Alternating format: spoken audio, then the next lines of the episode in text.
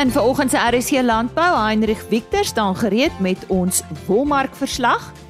Dan het ons uh, indien jy gister na RSC Landbou geluister het, onlangs by die Swellendam skou met professor Theo Venter oor 'n paar sake gesels. Gisteroggend sy opinie gehoor oor grondonteiening sonder vergoeding en vanoggend praat hy oor regeringsbesluite wat geneem word en die impak daarvan op landbou. Andre Adendorf van Woodlands Dairy vertel van hulle suksesvolle watersuiweringsaanleg en ons medewerker Koos de Pisani het onlangs 'n RPO geleentheid daar in die Noord-Kaap bygewoon en hy praat ver oggend met Corin Stein van die nasionale RPO oor die ad valorem invoertarief en waarom dit vir 'n produsent en die bedryf belangrik is. Hartlike goeiemôre. My naam is Lise Roberts. Jy is baie welkom. Kom ons sluit aan by Heinrich Victor van OVK vir ons wolnuus. Hartlike goeiemôre en welkom by die wolkantoor. Nou op die 23ste wolveiling van die seisoen wat op 8 Maart plaasgevind het, het die Cape Wools Merino aanwyser met 1.8% vir nie gesertifiseerde wol en ook met 1.2% vir gesertifiseerde wol swakker verhandel teenoor die vorige veiling. En teen 'n skoonprys van R171.80 per kilogram en R185.09 per kilogram onderskeidelik gesluit. Die Australiese EMA het ook effens swakker verhandel teenoor die vorige veiling en met so 0.7% verslap. Die effense daling in die mark is dus weer 'n navolging van die Australiese mark en selfs die swakker rand tydens hierdie veiling kon ook nie kompenseer vir die afwaartse neiging nie. Daar is in totaal 9125 bale aangebied waarvan 93.8% verkoop is. Die aanbieding wat hierdie keer bestaan het uit slegs 43% van die merino wol wat volhoubaar gesertifiseer was, as ook 'n groter persentasie gemengde lengtes en laer kwaliteit nie merino wol het bygedra tot die mark se swakker prestasie. Modiano SA het op hierdie veiling die grootste hoeveelheid bale gekoop, gevolg deur Standard Wool, Tianyu SA en Stuken. Die gemiddelde skoonwolpryse vir die seleksie binne die verskillende mikron kategorieë goeie lang kamwol of MF5 tipes was soos volg. En soos gewoonlik onderskei ons dan tussen nie gesertifiseerde en gesertifiseerde wol. Maar soos jy reeds gehoor het, uh hierdie week se veiling uh was daar as gevolg van die redes wat reeds verskaf is nie 'n groot verskil en besonderse premies nie, maar ons kan slegs daarom uh, vir u 'n paar noem. Kom ons begin by nie gesertifiseer en 18 mikron wol het verkoop vir R238.71 per kilogram. Gesertifiseer R243.67 per kilogram met 'n premie daarvan 2.1%. Dan kan ons kyk na 19 mikron wol Nie gesertifiseer R207.69 per kilogram, gesertifiseer R216.84 per kilogram. Die premie daar was 4.4%. En laastens kan ons dan net kyk na 21 mikron nie gesertifiseerde wol het verkoop vir R177.10 per kilogram terwyl gesertifiseerde wol 'n prys behaal het van R184.77 per kilogram en die premie daar was 4.3%.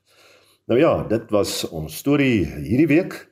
Ons volgende wolveiling is geskeduleer vir 15 Maart en tot ons dan weer met u gesels. Alles wat mooi is vir u, mooi loop. En so sê Heinrich Victor en volgende week hoor ons weer van hom, altyd op 'n Dinsdagoggend tydens 'n wolseisoen. Koos Pisani, ons medewerker in die Noord-Kaap, het onlangs 'n RPO dag bygewoon.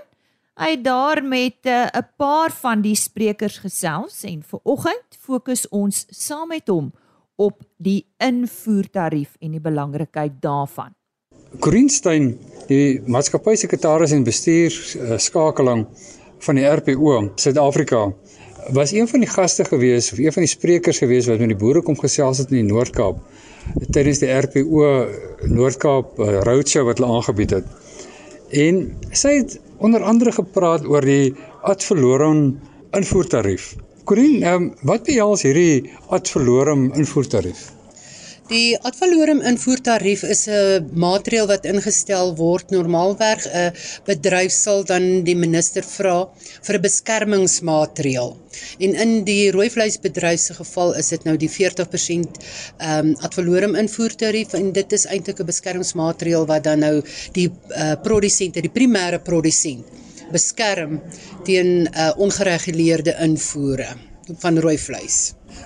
Maar wie betaal dan die die invoertarief? Is dit die Dit is die uh invoerders en uitvoerders as hulle wil vleis spesifiek na Suid-Afrika invoer, tree die ad valorem invoertarief in.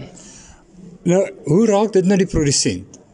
Wel dit is eintlik 'n beskermingsmaatreël vir die produsent self. So sou die ad valorem invoertarief uh, weggeneem word of selfs verlaag word, het dit 'n direkte invloed op hulle produsenteprys en dit beskerm hulle ook soos ek reeds gesê teen ongereguleerde invloere van 'n swak kwaliteit vleis na Suid-Afrika toe. Uh, ek verstaan dat daar's 'n aanslag teen hierdie invoertarief. Um, wat is die RPO se mening rondom dit? Wel die RPO op hierdie stadium aangesien ons namens ons lede optree, ons beskerm die belang van ons lede en ons missie is ook om die winsgewendheid van ons lid te verhoog. Beveg ons uh die die aanslag teen hierdie ad valorem tarief, want sou die tarief dan nou verlaag word of selfs afgeskaf word, dan um, het dit 'n direkte invloed op ons produsente se winsgewendheid en volhoubaarheid in sy boerdery hoeveel gaan hy dan minder kry vir sy sy karkasse? Wel ons het 'n tyd lank gelede het ons die studie laat doen ehm um, deur die Universiteit van die Vrystaat dat sou hierdie uh, invoertarief byvoorbeeld verlaag word na 33% toe sal dit 'n onmiddellike uh, R16 'n kilogram uh, minder wees wat die produsent dan nou sal kry vir sy produk. En as dit heeltemal uh, weggeneem word? Wel dan moet dit kom die wiskundige maatreëls nou hier ter sprake. maar dit het 'n geweldige impak op die produsenteprys en veral op hulle winsgewendheid want onthou, nou moet hulle kompeteer met 'n 'n 'n waarskynlik gesubsidieerde lae kwaliteit produk wat van veral Suid-Amerika af dan in Suid-Afrika ingebring word. Nou, ek weet jy jy praat nou eintlik meer oor die oor die rooi vleis, jy praat eintlik net oor die rooi vleis.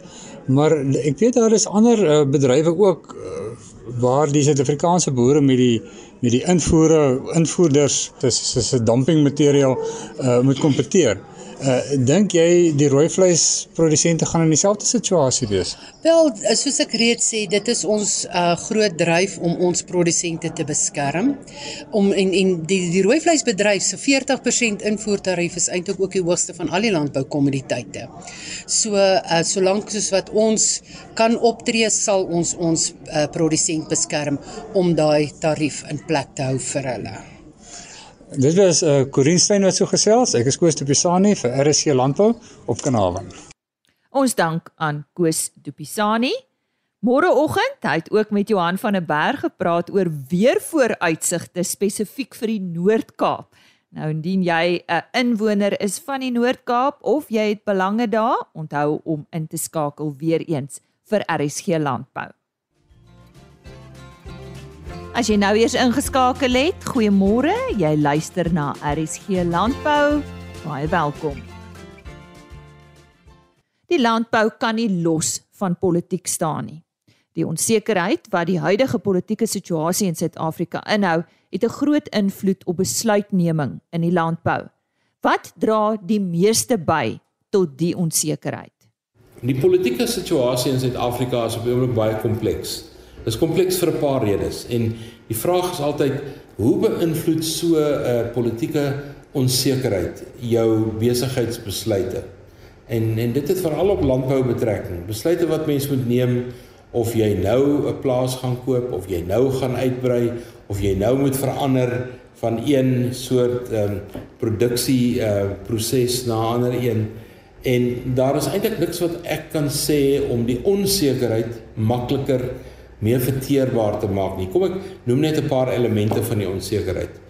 Ehm um, met die opname het ons nog nie geweet hoe lyk die nuwe hoe lyk die nuwe kabinet nie.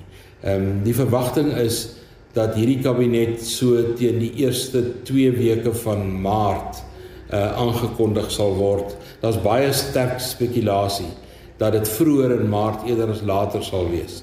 Ehm um, ons verwag 'n paar ehm um, wysigings in die kabinet.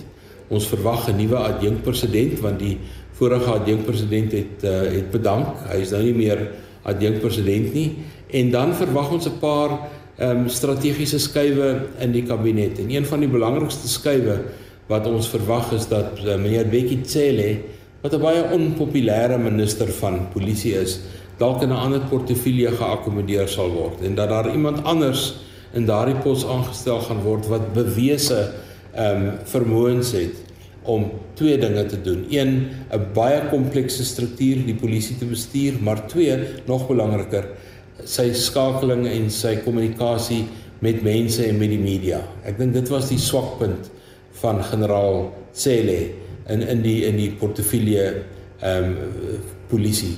Ehm um, ons dink ook dat ehm um, daar waarskynlik 'n uh, eh, 'n uh, eh, baie besliste loyalis van president Ramaphosa aangewys sal word as die minister van um, elektrisiteit.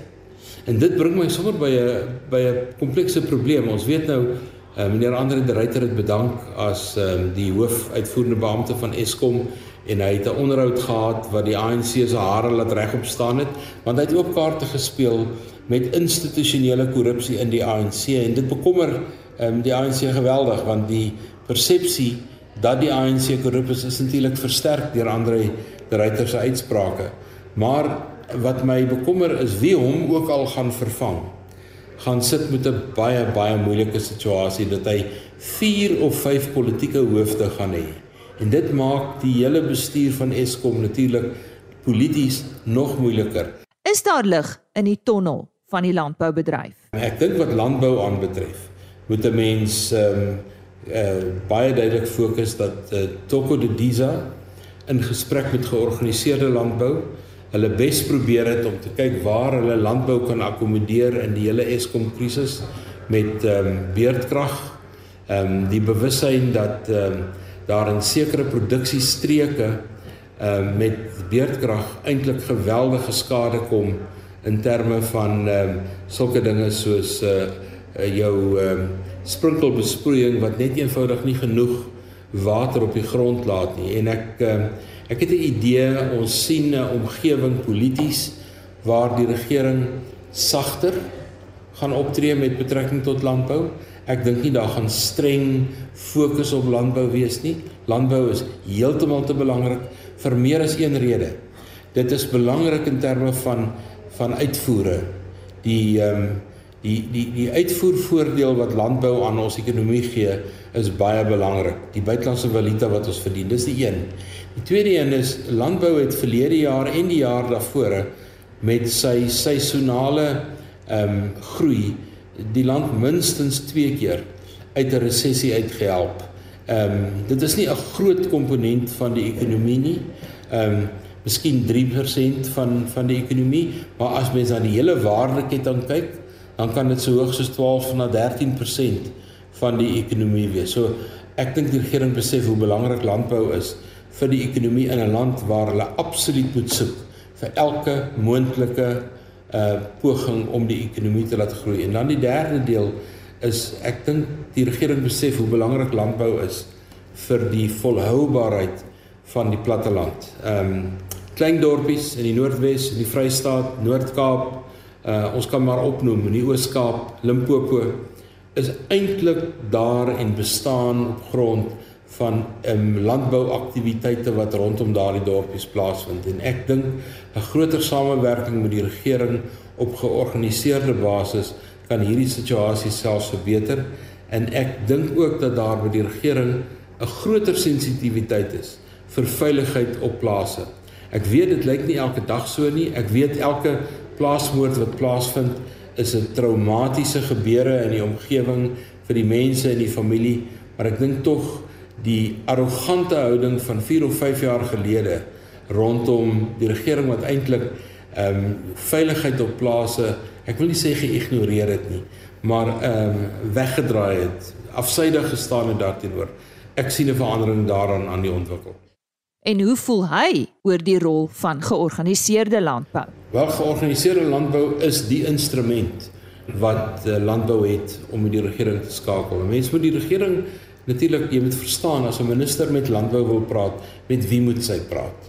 Ehm um, en daar's 'n verskillende strukture al op die been gebring waar ehm um, landbouorganisasies saamwerk en ek dink dit kan nog verder vorder want dit is die stem van landbou is die georganiseerdheid en dan die onderlinge samewerking. Ons het verlede jaar een of twee insidente gehad waar daar ehm um, konflik was tussen ehm um, lede van georganiseerde landbou. Ek dink nie dis 'n goeie prentjie vir landbou nie. Ehm um, ek dink landbou het die vermoë, hier's ongelooflike innoverende sterk leiers in landbou. Groter samewerking dink ek is die antwoord vir landbou met betrekking tot hulle verhouding met die regering. Nou ja, jou opmerking sal dalk wees dat hierdie ou nuus is. Ons het egter gedink dit is interessant om te hoor wat professor Theo Venter van die Universiteit van Johannesburg se verwagting was van die aankondiging van die nuwe ministers. Hierdie onderhoud is opgeneem tydens die Swellendam skou. Hulle het 'n spesiale landbouoggend gehad. Dit was vanaf 2 tot 4 Maart daar op Swellendam en uh, professor Theo Venter was een van die sprekers.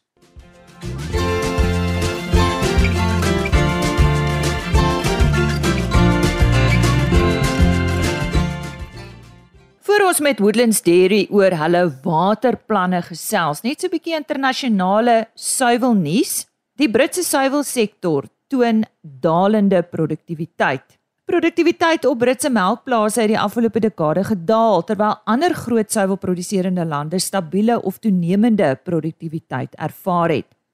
Volgens data van die International Farm Comparison Network het produktiwiteit op tipiese Britse melkplase afgeneem. Die data toon 'n afwaartse tendens in produktiwiteit gemeet in pennies per liter uitset teenoor inset vir 'n tipiese 160 koeikudde oor die afgelope dekade in Noordwes Engeland. Brittanje is egter nie alleen nie. Die IFCN data toon soortgelyke afwaartse tendense onder tipiese Noord-Duitse melkplase. Elders toon melkplase egter 'n groei in produktiwiteit insluitend in bekende suiweluitvoerlande soos Denemarke en België. En volgens die Herald Sun gaan die bekende Australiese supermarkketting Coles melkprodusente tot 22 sent meer per kilogram melkvaste stowwe betaal indien hulle instem tot 'n 3 jaar kontrak met die kleinhandelsreus. Dit is Coles se jongste poging om die stygende pryse van sy lang lys produkte insluitend suiwelhok te slaan. Coles het in middel Januarie aangekondig dat hy die pryse van meer as 300 produkte verlaag en dit tot na die Paastydperk sal volhou. Brad Gorman, Coles se hoofbestuurder vir suiwel, bevrore en gerieflikheidsprodukte, het gesê die hoër melkpryse en langer kontraktermyne sal produsente van 'n inkomste vloei verseker. Ons gaan voort met vandag se program. Watertekorte is lankreeds deel van talle Oos-Kaapenaars se lewe en landboubesighede doen alles in hul vermoë om 'n verskil te maak. Woodlands Dairy stel tans 'n goeie voorbeeld. Gesels vandag met Andre Adendorf, hy's hulle bestuurder volhoubaarheid en hy praat oor 'n waterherwinningsaanleg. Andre, vertel net eers kortliks vir ons wie is Woodlands Dairy? Isa ja, uh, Woodlands Dairy is een van die drie grootste melkproduseerders aanlegte in Suid-Afrika. Uh Woodlands Dairy is 'n privaat maatskappy wat in 1995 gestig is deur die Gucci van familie. Ons is geleë in Emmausdorp in die Kaap munisipale area in die Oos-Kaap en ons verkry ons melk hoofsaaklik uit die uit ons streek uit wat sit die Tsitsikamma, Emmausdorp, Alexandria, Kuka, Kukias en Krarok omgewing is. En alles produkte word by die een aanleg in Emmausdorp ver, verwerk en ons produseer ons produseer hoofsaaklik lang lewe IAT melk as ook produkte byvoorbeeld ESL varsmelk en kaas en botter en ge, ge, gegeurde melke. En ons produsente basis bestaan uit ongeveer 70 melkbore in die omgewing soos wat ek vir jou genoem het. Nou soos ek genoem het, uh, het julle 'n suksesvolle waterherwinningsaanleg in gebruik geneem wat afvalwater suiwer. Hoekom is dit so belangrik vir 'n besigheid soos julle sin? soos jy miskien sal weet, ons Oos-Kaap is 'n primêre uh, hoof hoofsaaklik van reënwater. Omdat ons nie baie standhoudende riviere in ons area het nie, basies die die Visrivier is die enigste standhoudende rivier wat verby Kraaiboekie se omgewing loop en hy word primêr maar gevoed uit die Gariepdam uit. Maar in ons eie uh, lokale Kaapstad munisipale areas, soos net die Krom rivier wat 'n hoof 'n uh, aar van water vir ons boere in die omgewing is en vir ons dorpies op. En maar weens die droogte toestande, weet in die laaste paar jare, uh is dit is dit baie moeilik vir ons weet om om standhoudend water te te, te verkry uit die uit die Krom rivierstelsel. So dis tydens droogte tydperke vanaf 2017 af beleef ons al baie swaar druk op ons landbougebied en die prosesseringsaanleg om om vol, volhoubaar water uh, voorsiening vir die aanleg te verkry. En daarom het ons uh, die die logiese stap was ons uh, was om uh, watersuiweringswerke in plek te sit uh, van uh, wat ons wat ons reeds genoem het in 2017. So dit was basies die rede hoekom ons 'n suiweringswerke in plek gesit het. Ja. Gesels net weer oor presies wanneer en hoe het alles begin? Ehm um, soos ek so net so vlugtig genoem het, ons het in 2016 het ons bestuur die besluit geneem uh om 'n suiweringswerke te te implementeer. Eerstens uh soos ek genoem het om om die hergebruik van ons water uh, uh, weet te, te te bewerkstellig. Tweedens om die om druk te verlig van die van die munisipaliteit af om, om ons water te kan voor, voorsien want hulle kyk vir dieselfde bron af water en ook derdens om hulle suiweringswerke omdat ons soveel ons volume water wat ons besig wat ek nou sal vir jou sal verduidelik nogal redelik hoog is en hulle suiweringswerke kon nie byhou met die volume water nie. Ons gebruik daagliks so omtrent 'n miljoen liter water 'n dag wat hierdie aanleg gaan. En dan ehm um, ek het hierdie gesê het want hulle hulle beleef ook baie hoë druk van die munisipaliteit af om die water te vat en ons afvoerwater. Die proses het begin basies toe ons nou uh, gesê het okay kom ons met ons suiweringswerke uh het ons omtrent 80% van ons afvoerwater uh stuur ons na die suiweringswerke toe waarvan omtrent so 50% van dit word herwin as suiwer water wat ons in aanleg kan hergebruik. Nou kom ons praat oor hoe die proses werk. Verduidelik vir ons. Ja, nee sekerlik. Nee, dit is um basies begin dit by ons afvoer op ons sogenaamde sogenaamde grijswater word na die waterings uh, herwinningsaanleg gestuur deur middel van dreineringspype uit die aanleg uit. Die water word in 'n anaerobiese verteringssilo gepomp wat omtrent so 2 liter uh, of ekskuus tog 2 2 2 miljoen liter kapasiteit het. Uh, wat dan deur organismes uh die bakterie en ander uh, uh, organismes dan opbreek. Daarna word die water deur 'n membraanfiltreringsproses gedruk om die organismes en die bakterieë uit uit die water uit te haal. Waarna dit deur 'n omgedie om, uh, hulle noem dit 'n omgekeerde osmosis, maar in Engels sommer 'n reverse osmosis gesuiwer tot drinkbare uh kwaliteit water. Die gesuiwerde water word dan daarna gestabiliseer en in 'n silo uh met skoon water geberg tot dit benodig word in die in die in die, in die uh, aanleg. En dan net vir interessantheid halwe kan ek by sê dat die afvalproduk vanaf die anaerobiese verteerder word metaangas vrygestel wat ons dan opvang in 'n opbergingsfasiliteit wat ons dan gebruik om 'n metaangasketel of dan 'n 'n boiler aan te dryf waar dan stoom nou voorsien aan die aan die hoofaanleg. So dis in kort hoe die proses werk. Hierdie is nie net tot julle voordeel nie, maar ook die gemeenskap, is ek reg?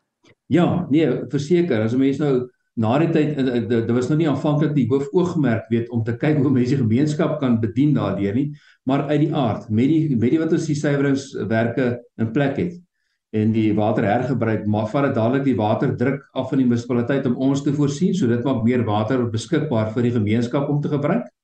En dan te, te, te, tweedens maak dit ook baie van ons eie werknemers weet ons sit omtrent met 'n werknemertaal van omtrent 1500 plus mense bewus daarvan om water spaarsamig te gebruik en om dit weer te hergebruik en dit en dit dit filtreer terug na die na, na die gemeenskap toe waar die mense weet vanuit kom en dit spoor ook ander industrieë aan, ook ander rolspelers in die omgewing om soortgelyke uh uh weet metodes te volg en uh, te, te te te implementeer. En dan laastens kan ek sê ek moet sê die verhoudings bou tussen ons en ons lokale lokale munisipaliteit het so verbeter dat mense goeie samewerkings um span gevorm het weet om nuwe waterbronne te ontwikkel en uh, en weet om meer water vir ons gemeenskap en vir die dorp ook te kan verkry. En dit was dan Andre Adendorf, hy's bestuurder volhoubaarheid by Woodlands Dairy en hy het vandag met ons gesels oor hulle waterherwinningsaanleg wat uh, reeds vir talle jare groot sukses toon. Dit is aan vandag se RSG Landbou, môreoggend op die program. Dan praat professor Theo Venter van die Universiteit van Johannesburg die laaste keer hierdie week en dan fokus hy op Eskom, 'n seerpunt in enige produsent se lewe. Nou ja, en dan ook uh, het ek die World Poultry Science Symposium daar by die WNR in Pretoria bygewoon. Ons hoor waaroor die geleentheid gaan. So heelwat om na uit te sien môreoggend. RSC Landbou is op rsg.co.za as potgooi beskikbaar. Jy kan natuurlik ook uh, www.agriorbit.com raadpleeg. Daar word ons onderhoude ook gelaai. Kyk net bo aan daai bladsy onder podcast en dan sien jy RSG Landbou en die onderhoude word daar ook volgens datum gelys. En dan sluit ek af met 'n e-posadres: rsglandbou@plaasmedia.co.za. RSG Landbou by plaasmedia.co.za. Nou ek het 'n versoek van 'n luisteraar afgekry wat op soek is na boerbokvleis want sy geniet boerbokvleis en ek het so 'n bietjie navraag daaroor gedoen en vir ons boerbokteelers daar kan julle ook daar help. Blykbaar is dit op aanvraag, maar nie beskikbaar vir die algemene publiek om te koop nie. Die luisteraar is spesifiek daar in die Boelhoor Middellande, KwaZulu-Natal Middellande. So dalk kan jy vir my 'n e-pos stuur om te sê waar sy dalk kan regkom. Dan groet ek tot môre 5uur. Geniet jou dag. Totsiens. RSG Landbou is 'n plaas media produksie met regisseur en aanbieder Lize Roberts en tegniese ondersteuning deur Jolandi Rooi.